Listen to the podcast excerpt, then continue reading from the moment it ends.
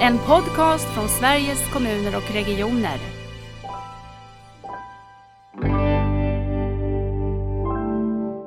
Det är inte effektivt för patienten och det är inte bra för vården för att patienten blir jätteirriterad. Närstående ska vi inte tala om. Och en del var det ju så att de skrev att de åkte runt, de körde ju runt medan den här personen fick sin vård för det inte fanns parkeringsplatser. Det är nog det som patienterna vill ha.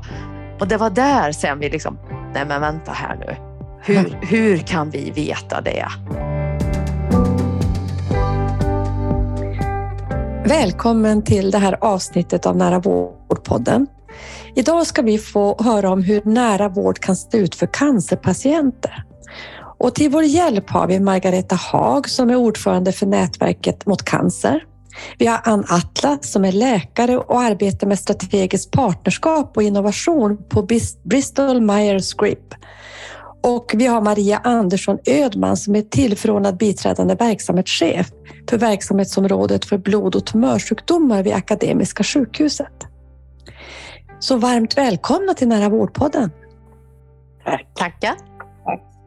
Eh, jag tänker vi börjar med frågan eh, vem är du? Och Margareta, du och jag har ju träffats under många år, haft förmånen att i olika sammanhang eh, möta varann. Men berätta för oss alla, vem är du? Jag är Margareta som har eh, cancer och har haft det sagt, alltså i olika former skulle jag säga i 25 år. Eh, och så är jag ordförande för Nätverk mot cancer men även för en av medlemsorganisationerna som heter Svenska ödemförbundet. Och det är just för lymfödem efter cancerbehandling som är ganska vanligt. Ehm, Nätverk mot cancer är en paraplyorganisation för cancerprofilerade patientorganisationer. Och vi har 11-12 faktiskt medlemsorganisationer idag. Och, eh, det berör ungefär cirka 35 000 med, individuella medlemmar i de här organisationerna. Och I mitt tidigare liv så var jag VD för en internationell yrkesfederation för eh, biomedicinska analytiker och eh, jobbade ganska nära och mycket med WHO för att eh, utbildningen för biomedicinska analytiker skulle utvecklas i världen.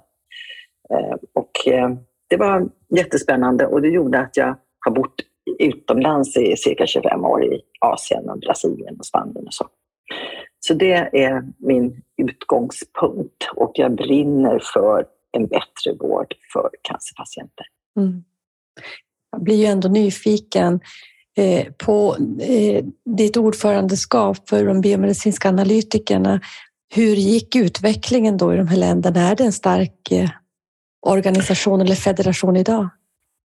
Jag var inte ordförande, jag var VD för VD, förlåt. Jag VD var ja, precis. Ja, och, um, ja, alltså det gick jättebra tycker jag i Japan, Australien, England.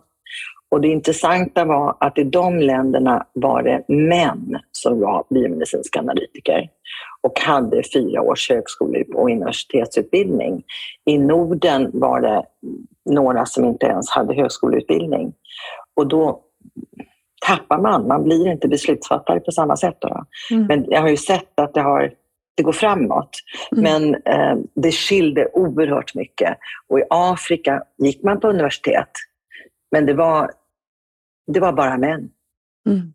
mm. Så att det, det diffade enormt mycket. Frankrike och, Eng Frankrike och Italien, då var det kvinnor. Mm. Japan, Australien, England var män. Och de hade då, ska vi säga, högre besluts, beslutsfattande. De satt med i de stora rummen kan man säga. Mm. Medan i Sverige så var det ju inte så. Nej. Det vet nästan också en... kanske Lisbeth. Ja, absolut. Ja, ja. Det nästan bli en egen podd för det där är ju intressant att titta på, både makt och utbildningsfrågor och så. Margareta, när vi, vi är ju så mycket digitala nu för tiden så då blir man ju också nyfiken på var människor finns någonstans. Var, är du, var sitter du idag? Var bor du? Var håller du till? I Sverige i alla fall, bor, det vet jag. Men, ja, jag bor i Sverige. Jag bor utanför Stockholm i Saltsjöbaden och där har jag bott så gott som hela mitt liv på somrarna. Men när vi har eh, flyttat tillbaka till Sverige så har vi, ja, har, har, vi haft det här som bas, vårt hem. Mm. Och det är fortfarande vårt hem. Mm. Och eh, Eh, vi, Nätverk mot cancer är ska vi säga, en ganska stor organisation men vi har inget statsstöd, inget statsbidrag och alltså inga anställda. Så Ja, vi jobbar hemifrån allihopa. Mm. Tack Eller- Margareta. Eh, Ann, vem är du? Eh, Jag är infektionsläkare och har arbetat som det i många år i Stockholm och jag har disputerat inom HIV på Karolinska institutet. Mm. Sedan cirka tio år tillbaka så jobbar jag på Bristol Myers Squibb och här har jag haft eh, många olika roller. Nu senast eh, så har jag fokus på att utveckla partnerskap och innovation med både sjukvården och andra aktörer inom life science-sektorn.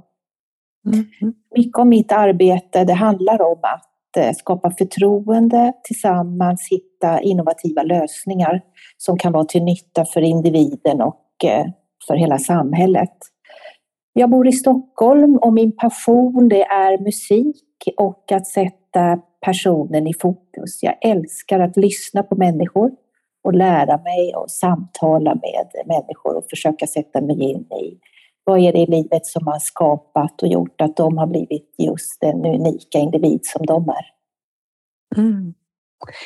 Jag tänker, vad fick dig att gå från ditt arbete kliniskt som infektionsläkare till att just jobba med innovation och partnerskap? Var det den här personen för, för lyssnandet och samtalet? Då? Eller vad var det? Jag har hela tiden varit väldigt intresserad av att eh, samla människor med olika erfarenheter, olika syn på saker och ting, olika kompetenser och som befinner sig i olika faser i livet för att man tillsammans ska kunna skapa bättre lösningar. Och eh, jag såg ett stort behov av att eh, man skulle försöka skapa bättre lösningar för både patienter, anhöriga och personal och samhället i stort och tänkte att det kan man göra från många olika håll och samtala med människor utifrån olika vinklar. Så jag är enormt glad för alla de åren jag har blivit eh, skolad eh, inom sjukvården i Sverige, men också nu när jag får lära mig andra kompetenser och fortsätta att utvecklas tillsammans med personer som har andra kompetenser från läkemedelsindustrin. Mm. Tack! Maria, över till dig. Vem är du? Ja, Maria Andersson Ödman heter jag. Jag är mikrobiolog eller molekylärbiolog eh, ursprungligen Mm. och eh, disputerade här för flera, flera år sedan vid Uppsala universitet och eh, min forskning rörde just då cancer fast på en grundforskningsnivå. Sen har jag jobbat med många olika saker. Det är krokiga vägar där jag har jobbat väldigt mycket med teknisk dokumentation för läkemedelsutrustning bland annat. Jag har jobbat mycket med medicinska texter eh, och jobbade sedan som projektledare för ett eh, privat IT-bolag som jobbar med vårdsystem. Kom då i kontakt eh, mer nära med vården och, och såg vilka otroligt dåliga förutsättningar eh, vår vårdpersonal många gånger har att, eh, att utföra sitt jobb. Och blev väl då mer och mer intresserad av att nej men det här vill jag jobba med. Eller Mm. Lite så här att se någonting som inte riktigt funkar och eh, kommunikation som inte fungerar. Då vill jag gärna dit och, och pilla och försöka få det här att fungera bättre. Så när, när möjligheten eh, dök upp för några år sedan att faktiskt ta klivet över till regionen så, så hoppade jag på då och eh, började som verksamhetsutvecklare och har därefter då blivit biträdande verksamhetschef. Mm. Hur stor enhet är det som du är chef för- över? Ja, hela blod och tumörsjukdomar då som innefattar både onkologi, det är hematologi, vi har onkologisk endokrinologi, palliativ vård, strålbehandling. Vi är cirka 500 medarbetare. Oj! Mm. Du, sa du var, var i världen du finns idag eller var du bor? Och... Nej, jag, eh, jag kommer från Värmland. Det kanske hörs. Jag jag har bott i Uppsala i ja, över 30 år, men den där dialekten den försvinner tydligen inte. Men nu bor jag på landet utanför Uppsala och eh, stormtrivs. Eh, vi har våra hundar, jag älskar att jobba i min trädgård. Eh, ja. Ja. Jag blir lite nyfiken, vad har ni tre gemensamt? Nu ställer jag en fråga som ni kanske inte har tänkt på, men kommer det upp något? Det blir som spännande att ha tre så kraftfulla kvinnor i samtalet och tänker, vad är det som förenar er? Jag, jag tror det är passionen för att förbättra för våra patienter. Mm. Mm. Ja, det tror jag också. Förbättra för patienter och för vården, vårdpersonalen ja. också skulle jag vilja säga. Att, att tillsammans kan man göra så mycket mer. Ja, ja. Eh, ja där, där, tror jag du är inne på någonting Margareta, just det här tillsammans, för det är väl någonting mm. nu när vi har jobbat tillsammans de här åren att nej, men man löser inte allting själv. Man behöver hjälpas åt, man behöver vara flera som mm. drar. Mm. mm. Vad tänker du Ann? Jag håller helt med. Jag känner också att det är väldigt mycket att samverka och att skapa tillsammans. Eh, vi har ju i vårt utvecklingsprojekt kunnat eh, eh, även dela på vår osäkerhet som vi har haft, hur vi ska utveckla projektet vidare tillsammans med alla som är engagerade i projektet. Och det har också gett väldigt mycket kraft. Jag känner också att det vi tre har tillsammans, det är en väldig ödmjukhet och lyhördhet för vad andra människor tycker och tänker och behöver. Mm. Jag blev också lite nyfiken. Jag tänker du berättar att du har jobbat med HIV och jag gissar med personer som också har aids. Ser du några likheter med de här olika delarna, infektionsmedicinen och det som handlar om cancervården? Ja, nu har ju jag min bakgrund just från infektionsspecialiteten, men jag tror att Eh, alla vi som har jobbat inom sjukvården och jobbar inom sjukvården så är det det fina mötet med människorna som mm. är det som är lika. Och eh, det gäller både för de som jobbar med eh, HIV-infekterade och aids och med patienter med cancer men också med många andra sjukdomar så tror jag att det är just närheten till människan och det goda samtalet och den relationen man bygger upp. Mm. Jag tänker, jag hör väldigt mycket eh, när vi pratar om omställningen till en mer nära vård att åh, hur ska man få också den specialiserade vården att se sin roll i det här med nära? Och då tycker jag det är så spännande att eh, ha fått ta lite del av det arbete som ni gör i det här projektet Cancervård närmare hemmet. Hur kom ni på det, Margareta? Att göra det här?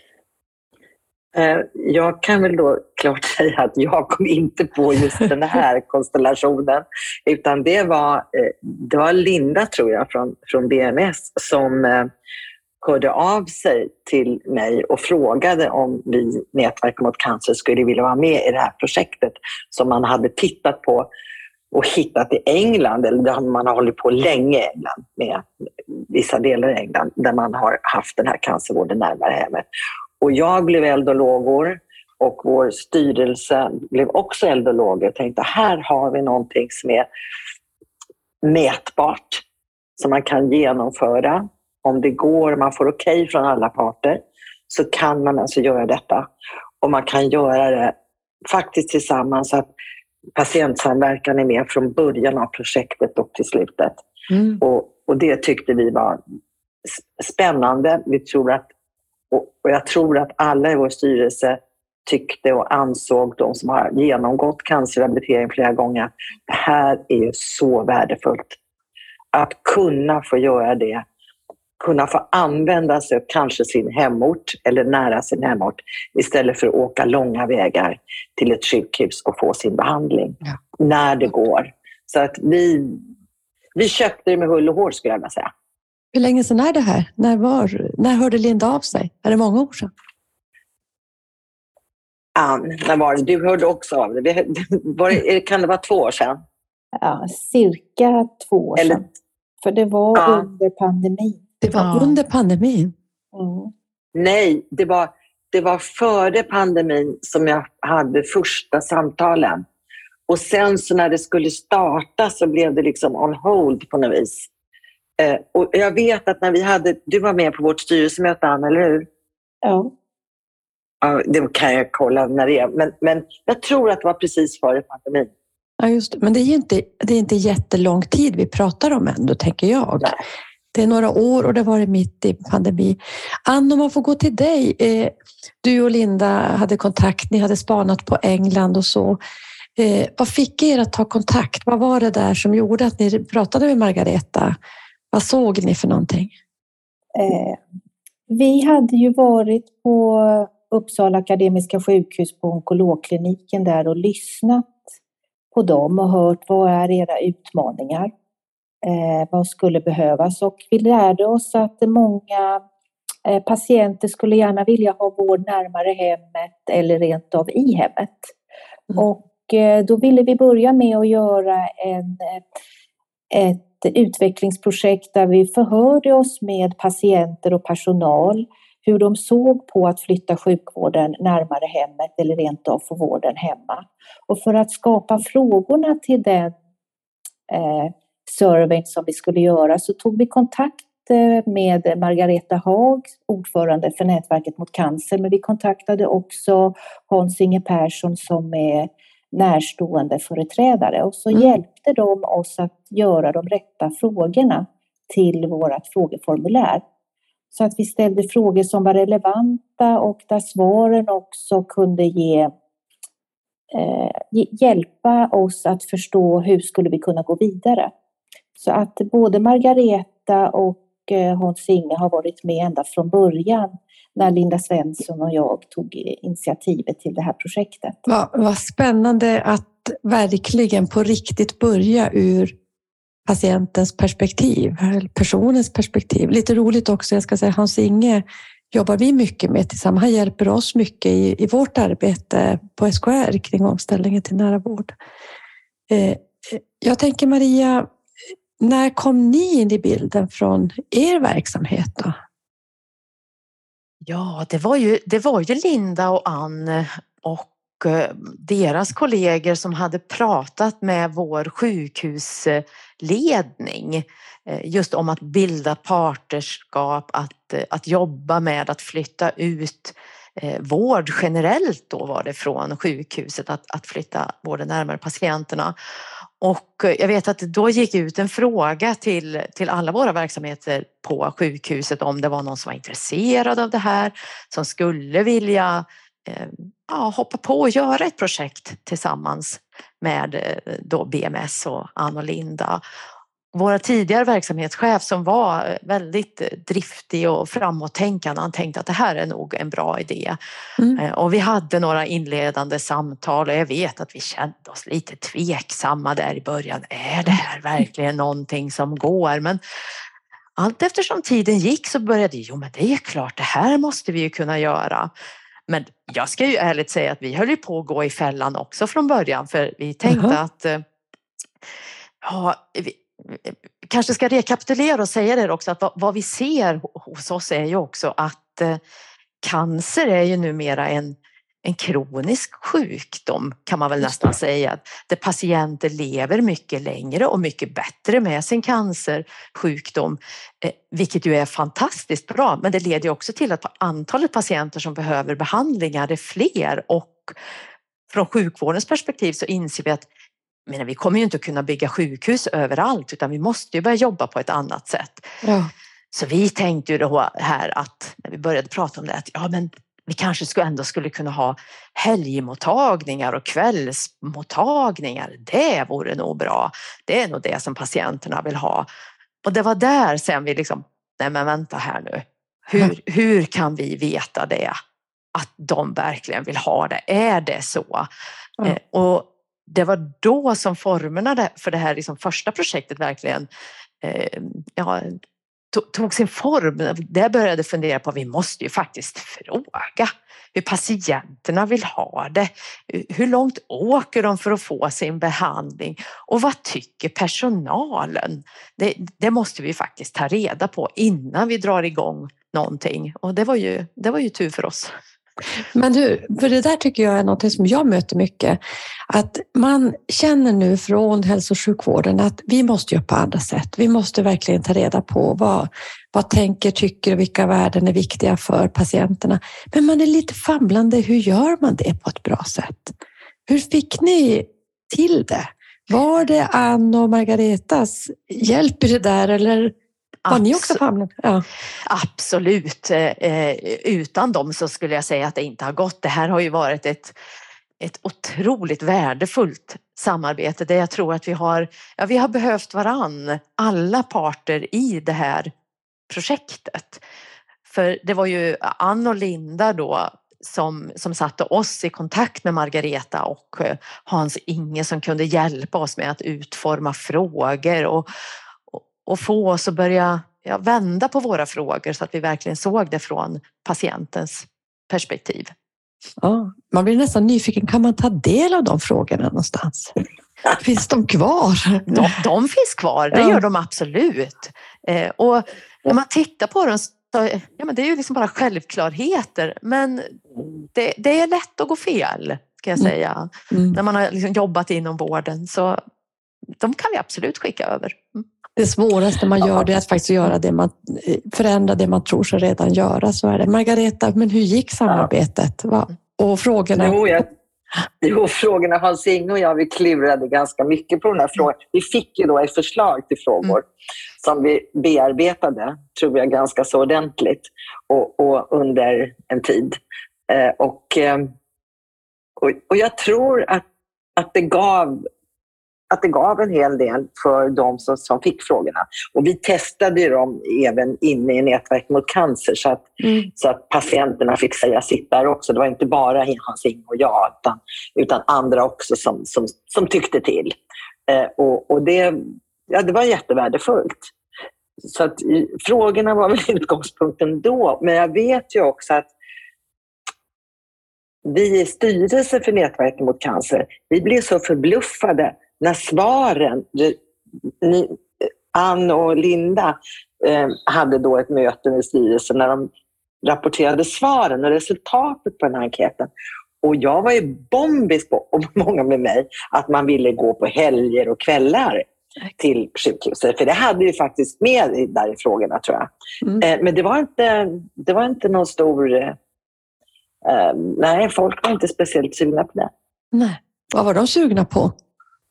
Ja, de, var, ville, de ville väl hellre vara nära, men de, det var alltså dåliga resultat skulle jag vilja säga på att åka till sjukhuset en helg eller på kvällen. Mm. Det, det, var, och, och det var, vi trodde att man kanske skulle vilja gå ja, dygnet runt. Man jobbar på dagen och så går man på kvällen och får sin behandling och så går man på jobbet på dagen därpå. Men det var inte, nej, det var inte riktigt aktuellt skulle jag vilja säga. Nej. Man kan kanske röntga sig på kvällen men, men inte ha en behandling. Nej. Nej. Jag tänker också det var intressant Margareta, lite på försnacket här, när, när du berättade också om samarbetet och hur du kommer ihåg hur det här mottogs av, av professionen. Det här när ni, för sen kom ni ändå, vi kanske ska ta det i turordning, ni kom fram till att ni skulle testa. Vad skulle ni testa? Kanske vi ska börja med. Vi kom fram till att en av de sakerna vi ville testa det var en vårdbuss där patienter som bodde i Enköpingstrakten skulle, med cancersjukdom skulle erbjudas att kunna få sin behandling i vårdbussen i Enköping istället för att behöva åka in till Uppsala Akademiska sjukhus och få sin behandling där. Mm. Och det vi då ville utvärdera det är nöjdheten hos patienter och personal de som fick behandlingen i bussen och personalen som jobbade i vårdbussen. Så det var den ena delen som eh, vi undersöker i det nuvarande projektet som ska bli färdigt till sista februari nästa år. Mm. Och det var där då, Margareta, vad var din erfarenhet? Vad mötte du? Um, um, det var väl också då med den här enkäten, för där tog vi upp hur hur långt åker du? Var bor du? Och sådär. Och det visar sig att, att om man har sin vård på Uppsala Akademiska sjukhus så är det alltså jättesvårt att ta sig dit och vara där för behandling och sen åka hem igen. För man hittar ingen parkeringsplats. Och då måste alltså en närstående kanske ta ledigt från jobbet för att ta sin närstående till sjukhuset för en behandling. Så det här var ju nästan, vi såg det i början nästan som det största problemet. att, att om det är två personer som under en hel dag ska åka till Uppsala för att en person ska ha en timmes behandling eller två timmars behandling. Det är inte effektivt för patienten och det är inte bra för vården för att patienten blir jätteirriterad. Närstående ska vi inte tala om. Och en del var det ju så att de skrev att de åkte runt, de körde ju runt medan den här personen fick sin vård för det inte fanns parkeringsplatser. Oj. Och sen fick vi också höra att cancer gick upp med 5% varje år. Och då var den här eh, onkologmottagningen, den var ju alldeles ny när vi var där då för ett år, ja, ett och några månader sedan. Och, och idag så är det proppat. Och då kände vi att det här, det måste bli en förändring för patienterna. Och det måste bli så att vårdpersonalen kan andas ut lite också. Ja. Och då såg vi att det här var jättebra. Men i början så pratades det om, eller vi talade om, att vi skulle kunna ha något projekt där man har, det var tre ställen, eller hur? Det var Öregrund, Enköping och Tierp har vi pratat om. Tierp och mm. Tierp och Tierp. Det. Och då blev det här det första projektet. Och eh, det tyckte vi var... Det är fantastiskt att det blev av och att det gick så pass snabbt. Men jag tror att där var det också så att ni var väldigt duktiga att få med politiken, eh, politiken på tåget. Mm. Så att de, de stöttade det här projektet till fullo, tror jag. Var det inte så, Ann? Jo, där måste jag säga att det är min eh, arbetskamrat Linda Svensson som har, har jobbat väldigt nära i det här projektet. Eh, I hennes arbete ingår att vara i dialog med politiker och tjänsteman där man bland annat bereder frågor om att kunna ge access till patienter för nya läkemedel som kommer i framtiden. Så med hjälp av de eh, personerna som hon redan samarbetade med i Region Stockholm bland politiker så kunde vi också engagera dem i det här projektet. Och de kom till eh, sjukhuset eh, eh, och tittade hur det såg ut där och pratade med er. Och fick, de lärde sig med, ännu mer än vad de redan visste om hur vardagsarbetet går till och vilka utmaningar ni har inom sjukvården. Mm. Ja, det stämmer och det, jag tycker det är så otroligt spännande det här att att, eh, att, ni fick med politikerna och att våra politiker nu i Uppsala verkligen ser det här projektet som ett, ett flaggskepp som de vill visa på att det här är någonting som vi verkligen gör. Och jag tänker på när vi, vi, var, vi tre, eh, Margareta och Ann, eh, vi träffades ju i Almedalen här i somras när vi var med på ett antal diskussioner och, och det var paneldebatter och eh, jag hade ju förmånen då också att även få lyssna på andra diskussioner med andra politiker inom vården, inom olika organisationer, olika politiker. Och det var ju som en av patientföreträdarna då sa där också, ja det är väldigt mycket prat. Man diskuterar väldigt mycket mm. att man ska flytta ut och kanske hur, men men det var ingen som faktiskt hade visat att man faktiskt gjorde det här. Och då mm. kände jag mig ändå lite stolt för jag tyckte, ja men det här lilla projektet att vi har en liten buss i Enköping. Men då kände jag mig otroligt stolt för det här är Så faktiskt klart. någonting vi, vi gör. Ja. Mm. Jag tänkte när vi är på den där politiska nivån, har det kostat mycket pengar? Har det varit svårt att, att fatta politiska beslut av sådana anledningar eller fanns det annat som man kunde känna att det här behöver man bereda bra för politiken för att kunna känna sig trygg. Ska vi säga, i, i det här läget så gör vi ju det här i projektform mm. där, där vi både BMS och vi på sjukhuset går in då med, med eh, arbetstid och eh, viss finansiering för projektledning och buss. Så att det har ju inte kostat så oerhörda summor än. Mm. Och vad det har bidragit till det är att vi också har vi börjar ju nu kunna visa att det här är det kostar inte mer pengar att mm. ge patienter vård på det här sättet. Vi har också eh, då via Ann och Linda fått otroligt bra kontakter eh, med sjukvård utomlands, både i, i USA och England där man också har gjort det här och kan visa på studier som eh, där man faktiskt kan se att nej, men det här kostar inte mer pengar. Och det är ju någonting som vi då kan använda i vår argumentation med politiken att det är bra för patienter, det är bra för vården och det är bra för ekonomin. Mm. Det, det, är ju verkligen en... Som... En win-win, verkligen. Ja. Mm. Men åter till, till, professionerna då. För Margareta, du berättade eh, om dina upplevelser där i början av... Mm. Berätta. Ja, jag var i Uppsala och det var väl när det var ett litet glapp där i pandemin så, var det, så lanseras det här och Hans-Inge var med också. Eh, och eh, politiken var med och, och, du var med och verksamhetschefer var med och sådär. Och, eh, och även då eh, sjuksköterskor som skulle involveras i det här. Mm. Och när jag pratade med dem så var de Alltså jag fick uppfattningen om att de var väldigt oroliga. Hur ska detta gå? vi, ska vi utbilda andra eller ska vi åka ut och hur ska detta gå? Och på något vis så kändes det som att man var fast innanför sjukhusets väggar. Att det var där man ville sköta vården. Och om du gjorde det utanför så skulle det inte funka. Det var den uppfattning jag fick.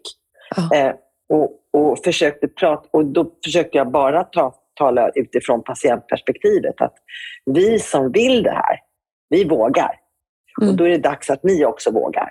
Mm. För att det, det, är vi som kanske drabbas mer om det inte funkar.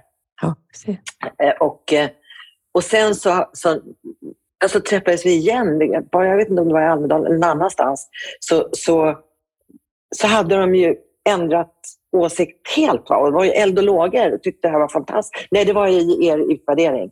Eh, att, att efter, efter bara en vecka så hade man tyckt att det här var jätteroligt och jättespännande och det tyckte ju patienterna också. Eh. Det är en patient jag har hört som inte tyckte att det var så bra, men det var för att det här med trygghet, tilltro och sjukdomen själv tror jag. Men, men eh, jag har inte hört det från någon annan.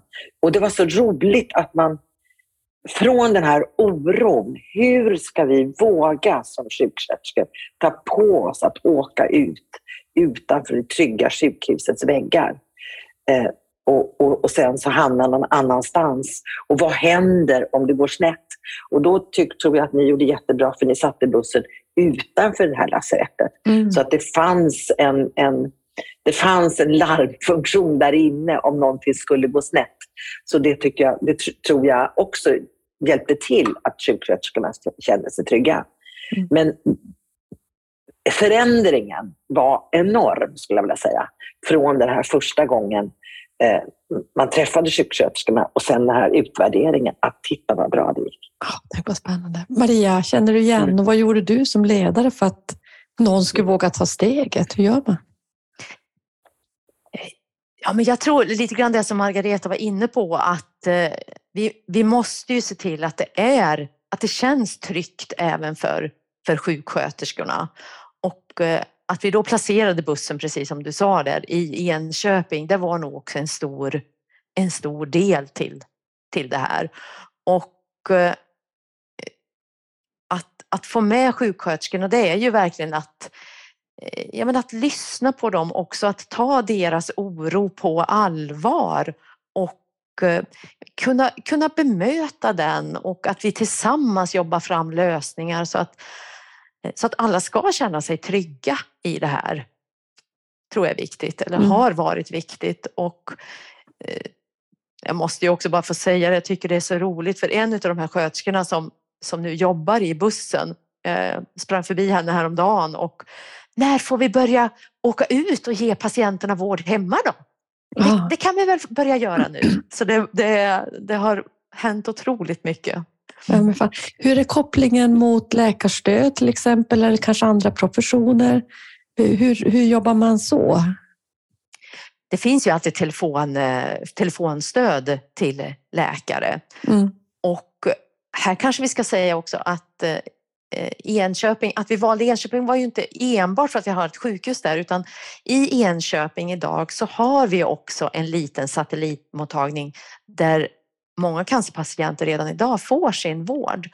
Där har vi två helt fantastiska sjuksköterskor som då är vana att jobba väldigt mycket mer självständigt än vad sjuksköterskorna kanske inne i Uppsala har gjort.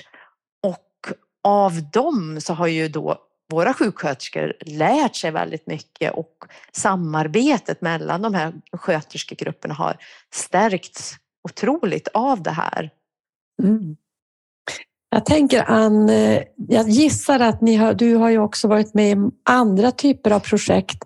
Är det här något du känner igen och hur överbrygger man eh, den här känslan av lite rädsla för att lämna de traditionella arbetssätten? Vad är dina erfarenheter?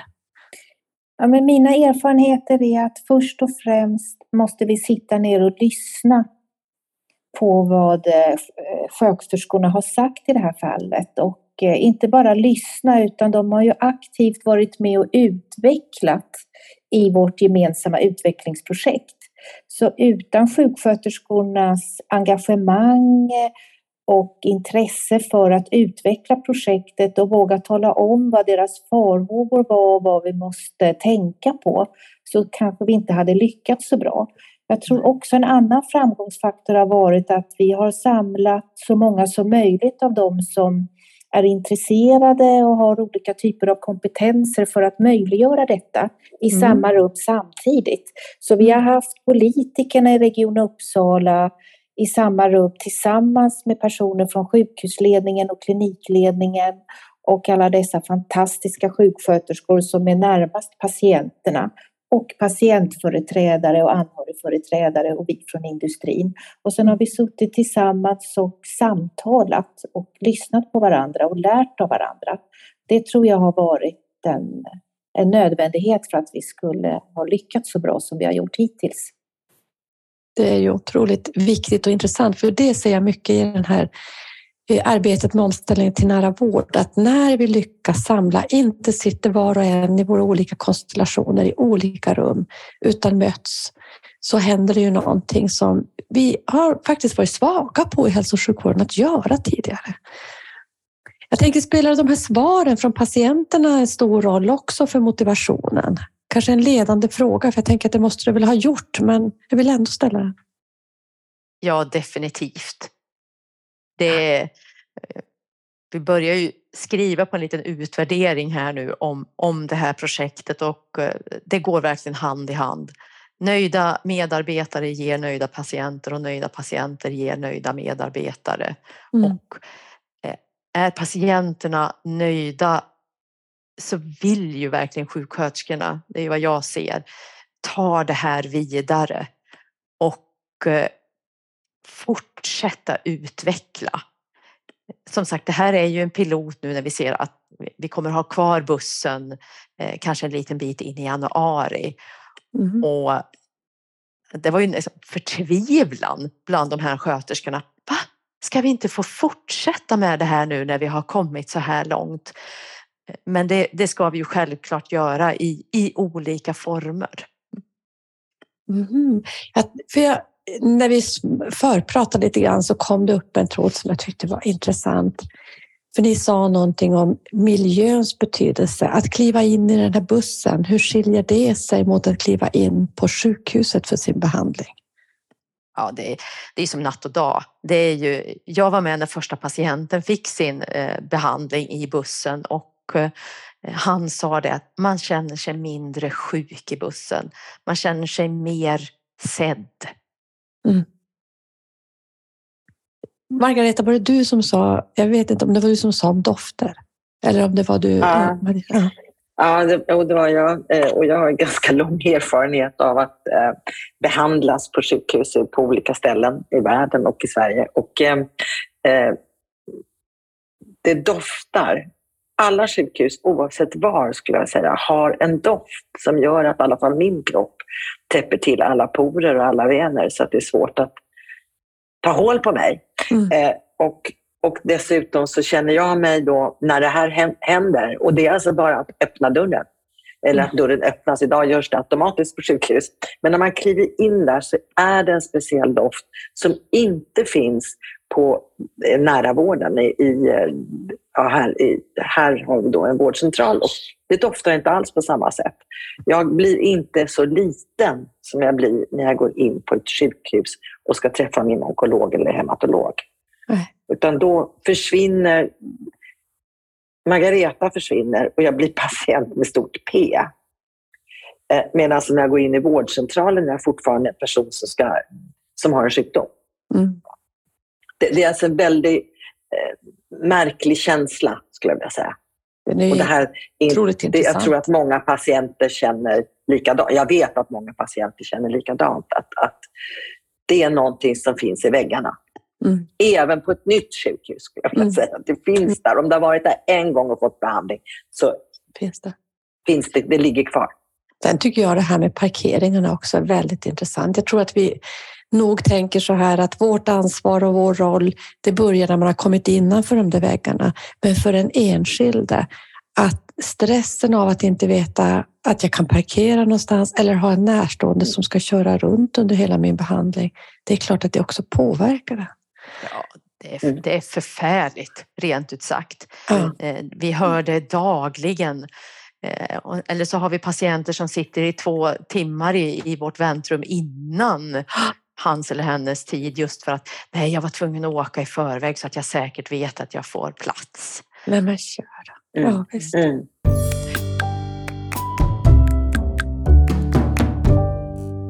Nisse pratar om, det här är ett projekt. Jag, jag tänkte Ann, hur, hur ser planen ut? Jag tänker att det är ni från, som, kom, som gör, hjälper till med utvärderingar och så. Berätta lite grann om framåt. Ja, framåt nu är att eh, projektet avslutas i februari och då har vi en projektrapport. Eh, och det är ju vår förhoppning och det ser ut som att när projektet är slut så kanske det kan komma att bli en del av rutinsjukvården. Att ge vård närmare hemmet, kanske i en vårdbuss eller ännu mer på de redan befintliga vårdcentrumen som finns. Men en annan del är också att vi tittar på om det finns möjligheter att ge cancervård närmare hemmet genom att öppna en filial för Akademiska sjukhuset i Uppsala. Så att det är en del av vårt projekt att vi tittar på om det finns möjligheter att kunna göra det Mm. i början eventuellt nästa år. Jag tänker du nämner eh, Ann det här med eh, vårdcentrum för att det är ju någonting som just Uppsala län har gjort inom sin nära vårdsatsning också, att man upp, har de här vårdcentren som man etablerar. Så det låter ju spännande också att kunna se kopplingen mot det, tänker jag. Att kunna se, kan det här vara sånt, ett sätt att komma närmare människorna med, med vården?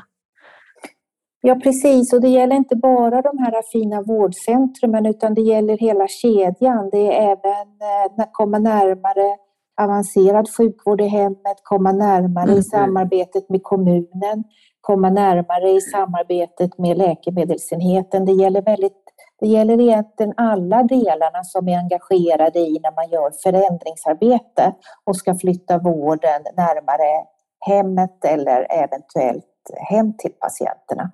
Så det är väldigt många som behöver samverka och det kommer att påverka väldigt många i den här stora kedjan.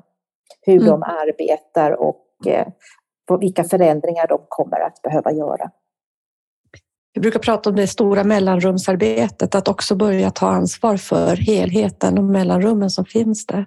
Mm. Tänker, kan man säga något om resultaten? Vad ni har sett? Alltså, Det främsta vi, vi har sett är ju den här otroliga patientnöjdheten. Jag skulle Mm. väl säga att det, det är väl nummer ett. Men det har ju givit oss så mycket inför vidareutvecklingen att vi ser att det går. Det, och, och att våra sjuksköterskor vågar. Mm.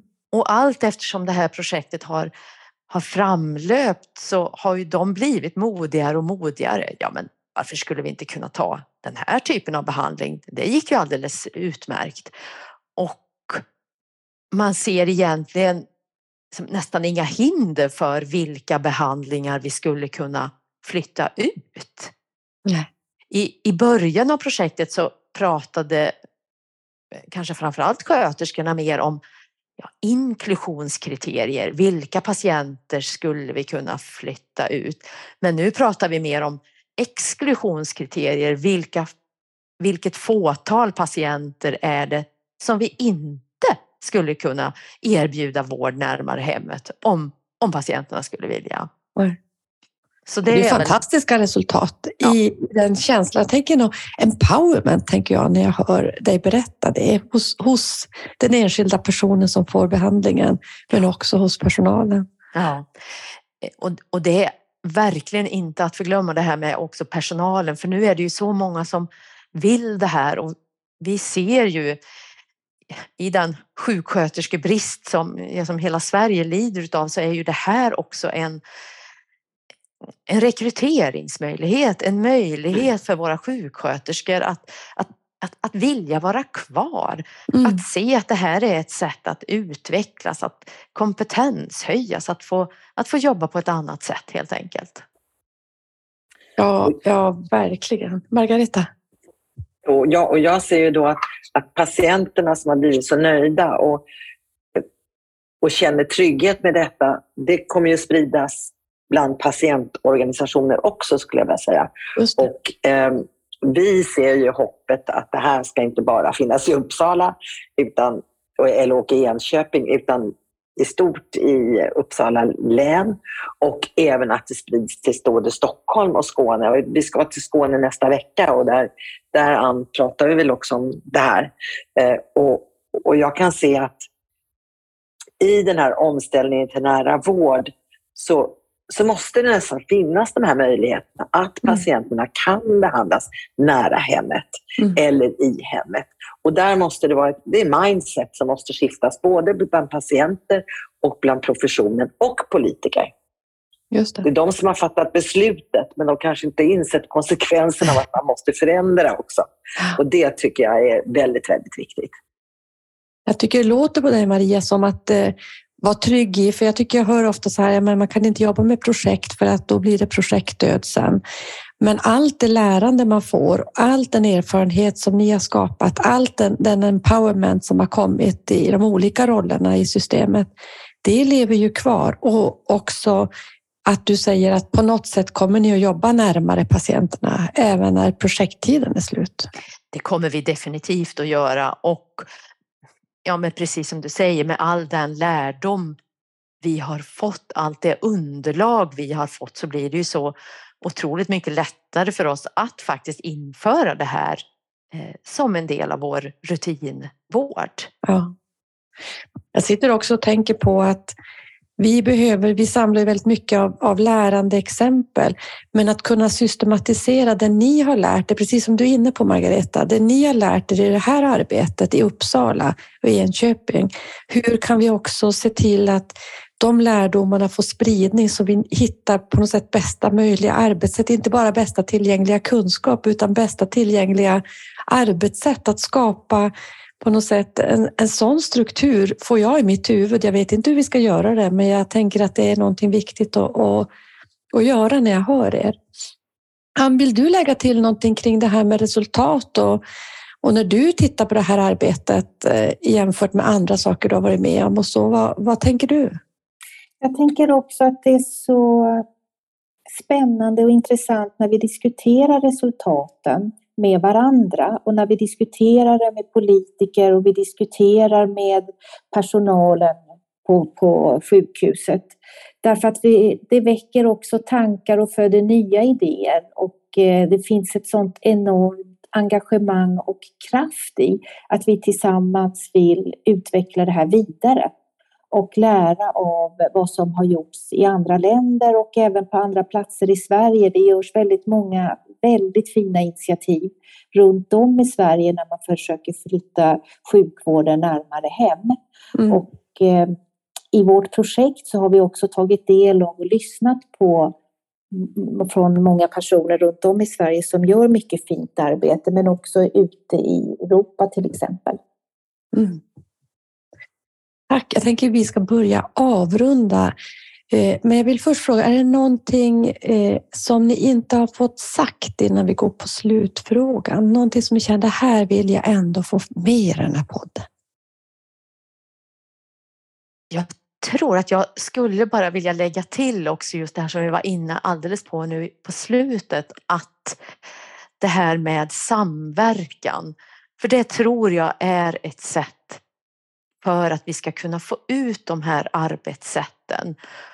Och jag då som har jobbat eh, inom den privata sektorn men nu har gått över till den offentliga ser ju fortfarande hos mig den här kanske lite rädslan för att också att jobba med industrin och där tycker jag också att det här projektet bidrar Mm. till, nej vi ska inte vara rädda för att jobba tillsammans. Vi behöver varandra. Ja, precis. Och jag håller med dig helt och fullt där. Man, ibland känner man professionens rädsla för industrin eh, och det ligger väl i några väggar också någonstans och korridorer. Eh, men men alltså regeringens eller nationella samverkan för hälsa och life science, de inkluderar ju faktiskt eh, näringslivet i sina diskussioner. Mm. Och jag tror att det kanske var en början på att man godkände att man måste ha med industrin också. Vi Mm. kan inte klara det här ensamma. Och vi patienter kan inte klara det ensamma, professionen kan inte göra det ensamma, politiken kan inte göra det ensamma. Vi måste göra det tillsammans. Det är liksom enda sättet när samverkan är oerhört viktig. Mm. Och jag menar med alla de stora både utmaningar men också möjligheter vi har framför oss. Ja, men det blir så kraftfullt om vi verkligen ser tillsammans som ett stort, eh, brett tillsammansarbete. Mm. Det är klart att jag vill sluta också med frågan vad är nära för er? Eh, och jag tänkte Ann, vill du börja? Vad är nära för dig? Nära för mig är, det är mötet mellan människor. Att man lyssnar, att man lär sig av varandra och eh, visar respekt för varandra. Det är nära för mig och att man utvecklar tillit och förtroende för varandra. Maria, vad är nära för dig? Nära för mig är eh, en trygghet. Där man känner trygghet som patient, man är trygg som profession och att man känner sig trygg av att våga. Man, man vågar jobba tillsammans. Det är nog nära för mig. Mm. Tack. Margareta. Eh, Och för mig är det nog närhet till andra och med andra. Det är det som blir närhet för mig. Och eh, när det gäller då nära vård så är det faktiskt att både patienter och alla andra vågar göra saker tillsammans. För det blir riktigt nära då också. Mm. Stort tack för att ni var med i Nära vårdpodden och varmt lycka till med ert fortsatta spännande innovativa arbete. Hej då! Tack, hej då! Tack, hej! Hej då! Hej.